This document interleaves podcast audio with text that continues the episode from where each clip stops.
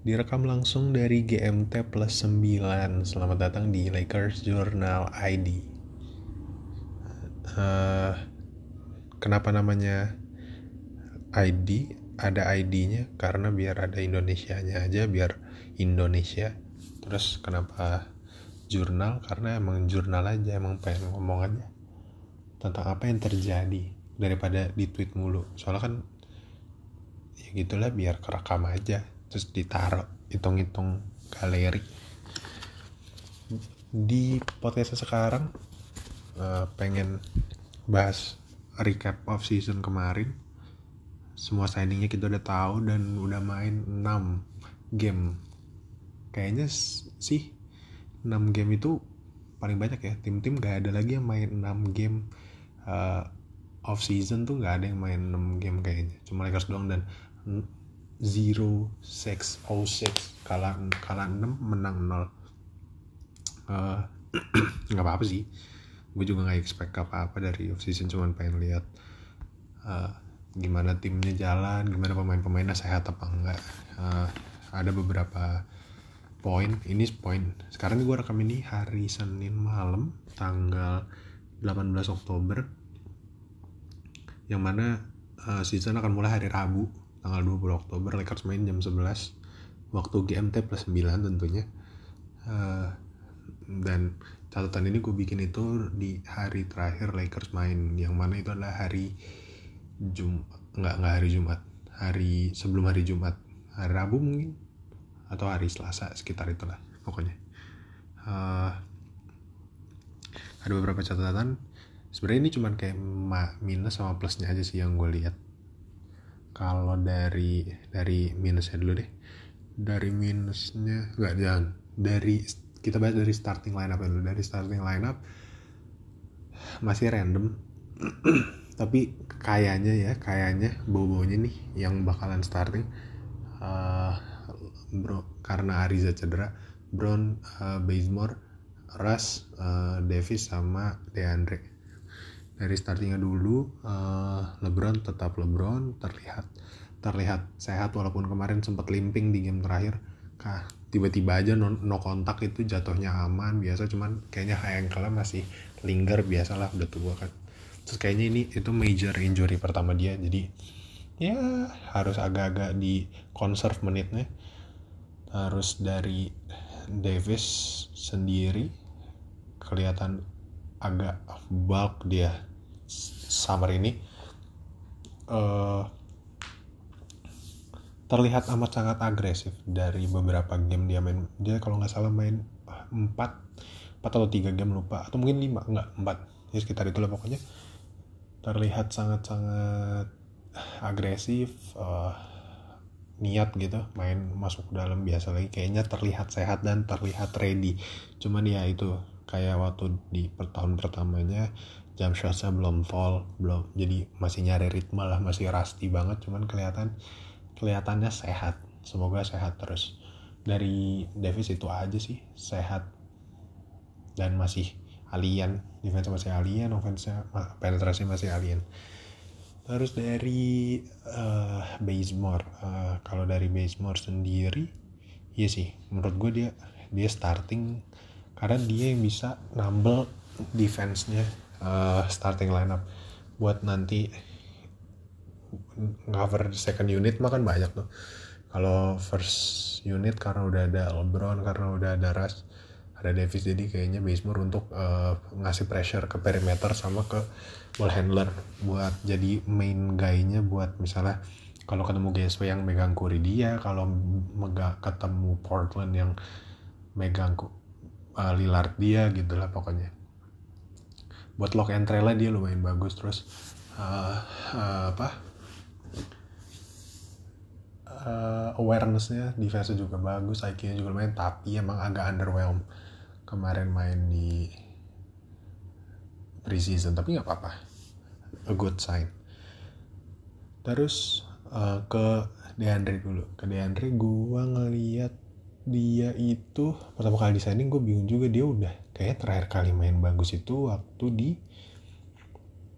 Clippers. Itu juga karena ada Griffin karena ada CP-CP semua center Bogut juga bisa double 10-10 kali dipegang kalau main sama CP mah. Cuman uh, apa ya defense-nya nggak ada Andre gue juga bingung nonton beber hmm, 5 game kalau nggak salah dia cuma nggak main satu game itu defense-nya nggak ada. Handnya jelek banget tangannya jelek banget gampang banget di strap dicop dikasih chop beberapa kali bolanya hilang. Terus dia kayak bukan orang gede gitu kalau big man kan ya udah ngapain boleh diturunin lagi di strip di boleh bukan ntar di atas langsung dihajar kalau Megi gitu kan dapat bola di atas langsung disikat aja entah dapat foul entah dapat apa pokoknya disikat. Kalau dia nggak ditaruh bawah lagi jadi banyak kena strip banyak loose ball gitu gitulah terus defense juga jelek. Kalau uh, kalau uh jadi makanan pick and roll lah pokoknya. Kalau diminta pick dia dia gua dia uh, apa namanya di hatch screennya. Kalau dia maju juga disikat sama guard jadi agak membingungkan sebenarnya. Walaupun Vogel sendiri emang doyan banget sama uh, big uh, big lineup ya power lineup yang gede-gede dia kan fokusan utamanya tuh perimeter defense dulu perimeter eh sorry bukan perimeter paint paint defense. Jadi paintnya aman dulu baru ke keluar gitu. Konsert gue dari Diandre cuman uh, apa menitnya sih. Menitnya nggak bisa terlalu banyak kalau main bareng. Ras antar ah, bahasa ntar aja. Keras mungkin kalau ras uh, salah satu bukan salah satu pasti semua fast Lakers juga excited ngelihat dia. Tidak semulus itu adaptasi ke timnya. Dia kalau nggak salah main itu 4 game. 4 game terakhir kalau nggak salah dia main. Nggak terlalu apa ya game pertama pokoknya game pertama stasa jelek lalu bisa cari tapi game pertama sama game kedua tuh hancur banget soalnya apa ya dia kayak bukan dirinya gitu. Gue kan mikir semoga dia maksudnya semua orang mikir gue dengerin uh, podcast lain juga banyak. Uh, emang harus adaptasi kan. Cuman adaptasi nggak kayak flip the switch gitu loh langsung tak gitu langsung ganti. Dia tiba-tiba biasanya agresif getting downhill gitu buat rim pressure. Belum ke pressure rimnya tiba-tiba passing turnover tuh kayak ada 500 kali turnover gara-gara kayak gitu doang. Aneh banget. Terus akhirnya baru setelah game terakhir. Baru game terakhir itu mainnya bagus. Karena itu dari uh, apa namanya? Oh, oh lumayan banyak off ballnya terus cutting uh, jadi LeBron pegang bola dia gerak off ball untuk cutting. Jadi banyak double screen gitu screen. Harus dia curl masuk atau keluar sama tuh main gamenya sama DeAndre. DeAndre itu kalau nggak salah game terakhir plus 22 apa kalau nggak salah. Rondo yang minus 20 gitu. Uh, nah itu kalau untuk menitnya ras itu amat sangat tidak bisa uh, jangan satu line up lama-lama sama DeAndre. Maksudnya kalau centernya bukan Davis mending ngerasa jangan jangan lama-lama dah gitu. Nggak apa-apa. Gue juga bukan orang yang sepenuhnya percaya sama Davis sama AD start di 5 gitu. Terus main kayak 35 menit di 5 kecuali di playoff ya di regular season untuk konserv badannya. Karena takutnya hancur loh badannya udah penghujung mau udah siap-siap mau playoff dia growing lagi shoulder lagi. Udah tau mainnya udah kayak orang yang badak aja semua semua ditabrak. Kagak ada jaga badan dan sama sekali. Jadi kayaknya uh, mungkin mungkin dua DeAndre Dwight mungkin bisa ngambil center sekitar dua total ya mereka. 20 menit mungkin mereka berdua sisanya 28 menit atau mungkin mereka berdua 23 menit 25 menit. Davis main di center tuh 20 menit 23 menit aja nggak apa-apa season season low atau karir low tapi buat konserv badannya gitu. Sekali lo dari um, benchnya ada Monk Monk terlihat sangat tajam walaupun tiba-tiba cedera groin juga kalau nggak salah. Terus uh, per hari ini ada video training dia udah ada fotonya ngedang sambil nyengir harusnya sih groinnya aman. Terus uh, eh, THT tiba-tiba surgery entah dia juga ditanya kagak tahu cederanya kapan tapi tiba-tiba thumbnya kena aja. Surgery sebulan 4 sampai 6 minggu kalau nggak salah terus Ariza juga belum apa-apa. Kayak dia baru latihan sekali waktu training camp satu kali terus belum ngapa-ngapain lagi udah langsung out 8 minggu. Iya begitulah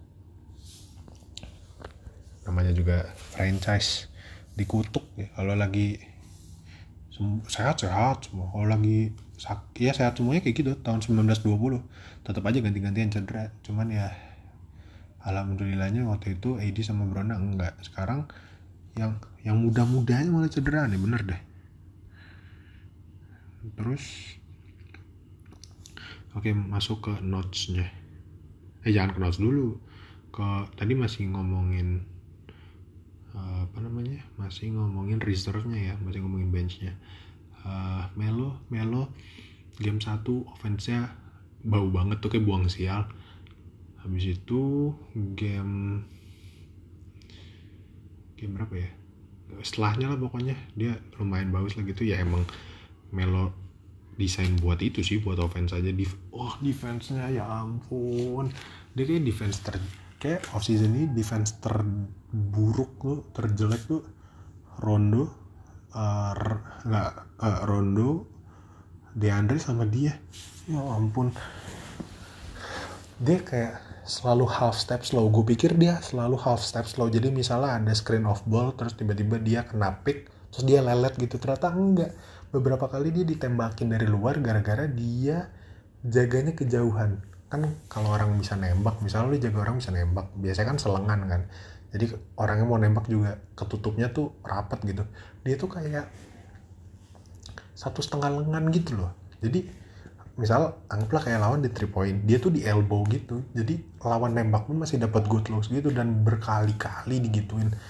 Gue pikir kan itu karena kena kan tapi ya banyak possession mungkin ada empat kali lima kali lebih mungkin lagi jaga aja lah uh, yang dia jaga tuh lagi dribble dribble dribble tiba-tiba nembak gitu. Dia uh, kontesnya nggak bisa depan muka ya karena itu kejauhan. Gue arti sih sebenarnya. Biar karena dia mungkin footworknya nggak sebagus itu karena tua jadi dia nggak mau dihajar penetrasi makanya dia jaganya agak jauh tapi hasilnya itu ditembakin. Padahal menurut gue nggak apa-apa. Ditekan aja kalaupun dia nusuk yang help kan banyak di bawahnya kan banyak gitu sih. Cuman selama off season yang paling gue notice dari Melo tuh aduh uh, defense parah banget. Kalau untuk crashing the boards-nya tim ini mantep sih. Karena kayak setiap rebound tuh ada tiga orang empat orang gitu. Jadi nggak nggak nggak nggak bukan concern lah buat buat rebound uh, tapi itu tadi defense-nya Melo jelek banget. Uh, tapi kalau untuk offense mah nggak usah di nggak usah dibahas lah ya. Ya pokoknya kalau tiba tiba-tiba offense lu start, uh, half court offense lu stuck sisa cuman 5 detik kasih aja bola ke dia. Itu aja udah. Atau untuk beating guy off switch jadi misalnya dia ngepick ke switch terus dia dapat mismatch sama sen sama PG atau sama guard atau mungkin wing yang lebih kecil dari dia udah suruh bola kasih dia aja suruh dia main kalau dia lagi nggak bau kalau bau sih jangan. Itu dari Melo. Terus uh, siapa lagi ya? Melo udah. Nan kan Nan uh, belum nggak terlalu flashy selama off season. Lagi out juga kemarin dua game terakhir kalau nggak salah dia nggak main. Apa ya belum tim ini tuh belum kelihatan keseluruhannya karena waktu startnya main yang mudanya kagak cedera. Waktu yang mudanya main startnya kagak main. Jadi belum kelihatan mix and matchnya tuh belum mantap rotasinya tuh belum rotasi fix gitu. Uh, jadi Nan kemarin main biasa aja solid aja gitu. Catch and shoot. Ya solid aja sebagaimana Nan kayak ngasih tujuh atau mungkin enam setengah enam setengah sampai tujuh setiap game. Udah segitu aja belum ada yang flashy banget sampai apa-apa gitu. Emang dia komplimen aja sih sebenarnya buat ngelengkapin ada LeBron sama AD gitu. Cuman nggak beban juga buat fast break mantep. Terus Dwight. Dwight is Dwight. Tapi kayaknya tahun ini dia agak lebih bersemangat. Gue gak tau kenapa ya dia kayak membuktikan sesuatu atau mungkin pengen juara lagi kali. Dia ngotot banget. Dia tuh bener-bener presence yang kita kehilangan tahun lalu. Um, on court off court. Bener-bener buat di bench juga energi guy banget. Di mana mana kita kangen Dwight dan Dwight Dwight is Dwight. Oh iya yang gue rasa dari off season ini kayaknya free throw kita membaik. Gue nggak tahu apa off season syndrome atau gimana tapi free throw kita kayaknya membaik. Nggak tahu kalau season udah jalan ya. Terus uh, Rondo Rondo Rondo secara offense beberapa game bagus. Ngatur tempos ya Rondo is Rondo. Uh, nemuin deh AD buat aliup mungkin dua kali tiga kali satu game. Tapi offense uh, defense ya pun defense kayak ya yeah, it's regular season Rondo again. Semoga sebenarnya gue gak ada masalah sih. Itu kan kemarin dia masuk main rotation karena banyak yang cedera. Kalau nggak cedera harusnya dia ada di tiga terbawah lah. Gue prefer Reeves di atas dia sebenarnya. Nah kita masuk ke Reeves sekarang. Jadi di catatan gue nih waktu itu ada Reeves sama Shondi jadi waktu itu two way spotnya 01 kan tadinya dua Ayayi sama Reeves Reevesnya uh, di convert jadi guaranteed kontrak jadi spot ke-14 terus tuanya 01 satunya Ayayi uh, gue pikir bakalan diisi Shondi Brown gitu karena lumayan solid solid banget. Terus gue pengen tuh sebenarnya mereka cut aja Ayayi terus sign aja Shondi Brown saat sama Cam Oliver karena kayak Mac McClung sama Travelin Travelin Quinn nggak terlalu impresif sih. Kalau buat di level NBA waktu di Summer League mereka bagus. Maksud gue cuma buat garansi aja gitu. Tapi ternyata di kemarin apa dua hari lalu ya semuanya di wave termasuk Ayayi tapi Lakers uh, ngambil Domboya Domboya di two way. Jadi sekarang Lakers tuh uh, roster garantidnya ada 14 01 two way-nya baru keisi Dumbuya 01 jadi masih bisa ambil dua pemain lagi satu way satu yang guaranteed kontrak. Nah, untuk Rev dulu ya gue kaget dia sebagus itu. Gue nggak expect dia sebagus itu karena gue nonton dia uh, Summer League. Amat sangat tidak flashy tidak megang bola banyak gitu. Terus kayak gue sebel sih sebenarnya. Karena waktu Summer League gue pengennya dia megang bola banyak. Kontrol aja gamenya terserah lah. Lu mau FG berapa terserah. Cuman yang megang tuh si Justin Robinson sama siapa tuh yang yang kidal pendek yang sekarang kayak kemarin gue lihat di Bucks waktu off season jadi gak terlalu banyak. Cuman ternyata IQ-nya lumayan. High menurut gue dia high IQ player. Dan dia nggak nggak nyakitin di defense gitu.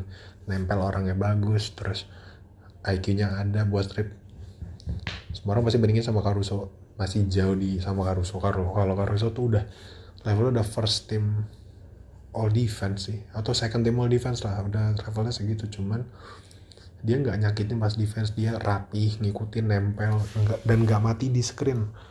Kalau Westbrook tuh di screen mati dia pasti. Udah tenggelam tetap di screen. Udah lawan lawannya nyantai. Cuman dia nggak dia fight over screen. Karena mungkin dia frame-nya juga agak slim ya. Jadi melihat apa namanya liuk-liuk di screen tuh gampang gitu. Terus uh, catch and shootnya kalau nggak salah ada statsnya dia itu paling percentage paling bagus deh selama selama off season mungkin selain Melo ya atau mungkin karena dia nembaknya dikit cuman kemarin agak bau tapi nggak apa-apa. Gue ngerasa dia bisa masuk main rotation sih. Kalau pada cedera nih kayak gini nih gue prefer dia karena dia defense-nya bagus terus karena dia tahu kita bakalan main cepet jadi pokoknya dia kalau defense dia orang pertama yang balik ke belakang tapi kalau uh, kita habis force turnover atau lawan shot nggak masuk rebound dia tiba-tiba udah di depan aja. Jadi uh, apa ya orang yang jadi superstar di role-nya itu dia. Itulah Austin Reeves. Mungkin dia terinspirasi Caruso juga jadi emang kayak begitu. Dia tahu he knows his job he understand what he's doing on court he understand his role jadi gas I'm all in for Reeves nah terus apalagi ya?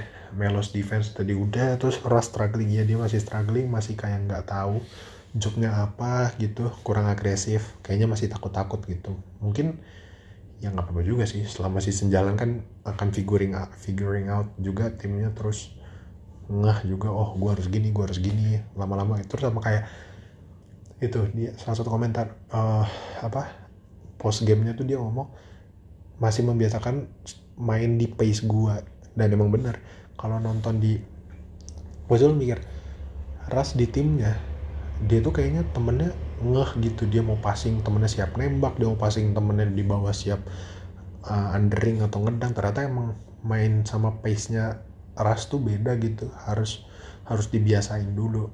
Makanya itulah alasan gue baru kenapa setiap ras pindah tim awalnya struggle dulu pasti karena itu karena teman-temannya nyamain larinya timing dia passing kan ngeh kan nanti lama-lama juga oh sih oh biasa dia kalau begini mau passing nih atau apa. Jadi karena kemarin berkali-kali passing entah temennya out of reach atau kayak Ras tuh selangkah duluan gitu dia udah passing temennya belum sampai gitu ya, makanya turnovernya ada 2 juta kali gitu satu game. Tapi ya selama masih belum banyak sampelnya dan masih belum full team masih belum bisa menilai apa-apa tapi he is struggling. Tapi harus singgah lah. LeBron tuh pemain yang paling gue tuh percaya semua pemain lu, lu taruh di tim LeBron jadi apa pun terus injury kalau injury tadi ya kan, gue tuh sebenarnya pengen satu spotnya itu ditaruh wing gitu buat buat garansi aja soalnya Ariza tiba-tiba cedera wingnya tuh short banget yang beneran wing itu cuman Davis kalau lo mau hitung wing, LeBron kalau lo mau hitung wing, emang dia wing sih. Bazemore, uh, Melo nggak bisa juga kita andalkan defense-nya yang sangat bagus ya. Sama udah, Monk, Monk juga nggak terlalu bagus, man. Sama THT sebenarnya karena dia punya uh, remnya walaupun itu ya tangannya panjang kan wingspan 7 foot. Cuman nggak bisa ya nggak itu lagi pada cedera. Jadi sekarang short di wing. Makanya kemarin sign to Wayne ya gue kayak hmm, ya udahlah gitu walaupun di dibuang di mana-mana. Apa apalah lumayan dia di taruh aja di gym dua minggu sama Phil Handy nggak boleh keluar keluar keluar keluar keluar. Jadi Tony Snell bisa lah. Hmm, gue sih pengennya sign ini ya. James Ennis gitu atau West tapi kayaknya kalau Lakers mau resign West West udah di resign dari kapan tahu gue juga heran tapi Ennis kok nggak ada yang ngambil?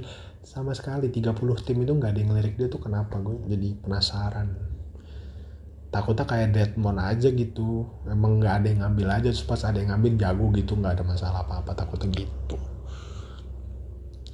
Karena untuk unlock AD tuh butuh empat yang bisa main di lima gitu. Ennis nggak bisa sih. Tapi maksudnya kayak Markif gitu loh. Kiev kan dia kan ditar jadi kan biasanya line up sama Kiev itu LeBron KCP LeBron KCP Markif Caruso sama Edi kan yang uh, posisi 4 yang bisa main di 4 tapi kalau tiba-tiba kena switch disuruh main 5 juga kuat nahannya gitu model-model.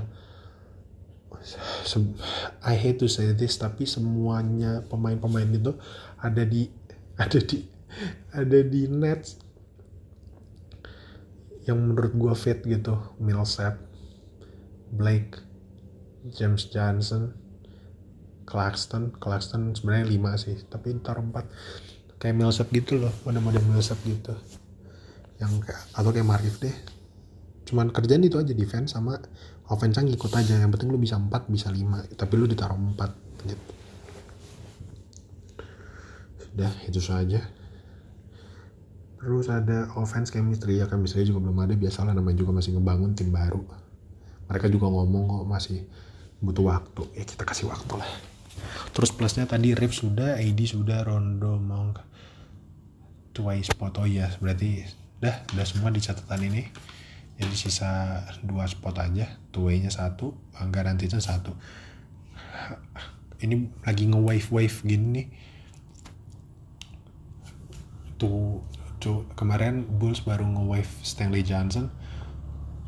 Gue nggak ada masalah sama sekali kalau Lakers mau ngambil dia tapi gue lihat dia draftnya kalau kan gue pikir dia masih berapa ya? Gue berharap dia masih 4 tahun ternyata udah 2015 jadi udah nggak bisa dimasukin two way. Sebenarnya nggak apa-apa sih kalau Stanley mau daripada kagak diambil tim lain. Udah Lakers comot aja tapi non guaranteed gitu. Kalau tiba-tiba Ariza nggak balik-balik cedera selamanya kata Ariza uh, terus convert kontraknya Stanley jadi guaranteed kan lumayan dapat wing lagi.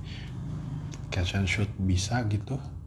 Ya solid lah apa yang lu butuhkan walaupun gak high ceiling ya kayak low and steady player gitu.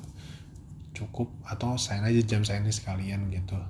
Karena dia udah ngetutup juga kayak dia udah pengen banget desain gitu udah ngarep. Tapi emang kita butuh juga sih.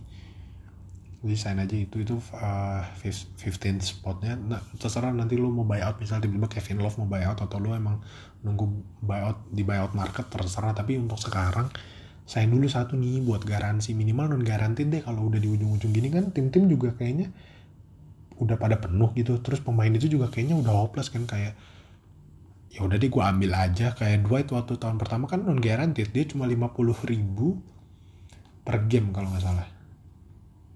Bentar iya nggak ya? 50 ribu terus ya bener. Eh kak 15 ribu 15 ribu dolar satu game. Ini non guaranteed 15 ribu terus karena mainnya super bagus tengah langsung di extend jadi guaranteed kontrak kayak gitu. Harusnya ambil aja kayak gitu kalau pemain-pemain yang mau bet on themselves sikat aja udah lo mau nggak garant uh, non guaranteed ambil wing wing gitu loh. Terus kalau two way spotnya nggak tahu ya. Kayaknya sih mereka mau ngelihat oh ya Ayayi di di diklaim sama Wizards. By the way gue gak ngerti apa yang dilihat Wizards. Sebenarnya dia solid sih cuman kayak masih hmm, butuh waktu mungkin tiga tahun. Di J League dua tahun tiga tahun nggak tahu. Lama pokoknya. Yang pasti bukan Ayayi bukan di tempatnya bukan di tim contender. Uh, two way spotnya kemarin Ty Tyrell Terry baru di wave sama Mavs pick tahun lalu. Gue kan ngebek ngebek ngebek pick bawah kan selalu kalau Lakers karena seatnya seat atas gue selalu ngeliat-liat tuh pick bawah yang bagus siapa? Tyler Ter Tyr Tyrell? Tyrell Terry itu salah satu shooter yang sleeper sebenarnya. Cuman nggak tahu di wave sama Mavs. Dia masuk two juga ya udah karena emang two kontrak nggak nggak sebanyak itu opsinya. Kalau dia tiba-tiba ke Lakers juga nggak apa-apa sih. Jadi Lakers biasa two way-nya kan satu kecil satu gede. Kecuali waktu itu ya Kekok sama uh, si Kostas karena mau tempering Giannis tapi gagal jadinya gitu. Uh, previewnya segitu aja kayaknya bahas offseasonnya. Dan nanti rencananya setiap ha, habis game tuh ada game locknya gitu kayak cuma membahas gamenya. Tipis-tipis lah kayak membahas ngeluh kalau ngeluh ngeluh kalau senang senang gitu. Ya gitu aja. Emang gak ada niatan apa apa sih kagak dipakein back sound nggak dipakein lagu-lagu gitulah. Pengen ngeluh aja udah gini pengen bahas-bahas gini aja buat dicatat. Menjadi jurnal juga jurnal suka-suka gue ya nggak? Uh, apa lagi ya kemarin? Oh iya dari defense defense kita nggak terlalu solid. Tapi ya udah kita tahu dari yang desain. Kalau tiba-tiba kita top 10 offense top 10 defense aja udah exceeding expectation sudah benar-benar di atas gitu. Terus dah itu aja kayaknya. Ya yeah, betul. Untuk ini sekarang segini aja dulu. Untuk nanti nantinya per per game lah nanti kita lihat perkembangan dan semoga juara semoga AD sehat? Amin. Semoga satu tim sehat. Amin. Sebenarnya AD sih harus sehat. Tulang punggung keluarga itu. Oh ya by the way prediksi sedikit. Gue agak suzon sebenarnya. Dari kemarin ngesainnya guard mulu. Udah ada 500 guard tuh kayaknya. Sampai wing nggak ada. Gue tuh curiga. Suzon sebenarnya. Lebih ke suzon. Nih guard ini nih ada yang mau dipaketin nih entah Nan entah THT pokoknya siapa pun lah. Guard-guard ini kayaknya bakalan ada yang dipaketin buat di trade tapi hanya suzon kita tidak tahu. Tapi ya kali aja Lakers kalau butuh wing bisa nyolek-nyolek Rockets mah. Butuh ambil dan House gitu tukar siapa paling bisa lah. Atau tim-tim tanking kayak OKC kasih aja second round dapat Fivers bisa lah. Tukar Andre ya gitu saja. Semoga biasanya kalau biasanya nih kalau front office-nya Lakers questionable di summer terus orang-orang pada nilai jelek ah biasanya itu bagus. Itu pertanda bagus biasanya. Kayak gue tuh 2019 juga bingung ini tim begini amat gitu. Tapi tiba-tiba juara ah ini pertanda baik. Gue juga bingung kenapa tiba-tiba pindah haluan dari defense first ke sobat-sobat offense semua yang kagak bisa defense yang keras kalau ada yang cutting masuk temennya kena pick bukannya di cover malah bengong aja ball watching biasalah. Ya pusing-pusing. Jadi ekspektasinya season ini Lakers bakalan bikin banyak bikin ngelus dada sendiri. Menghela napas panjang tuh udah biasa bikin tim Lakers jadi disiapkan aja. Ya itu saja. Semoga juara lagi. Semoga angkat banner ke 18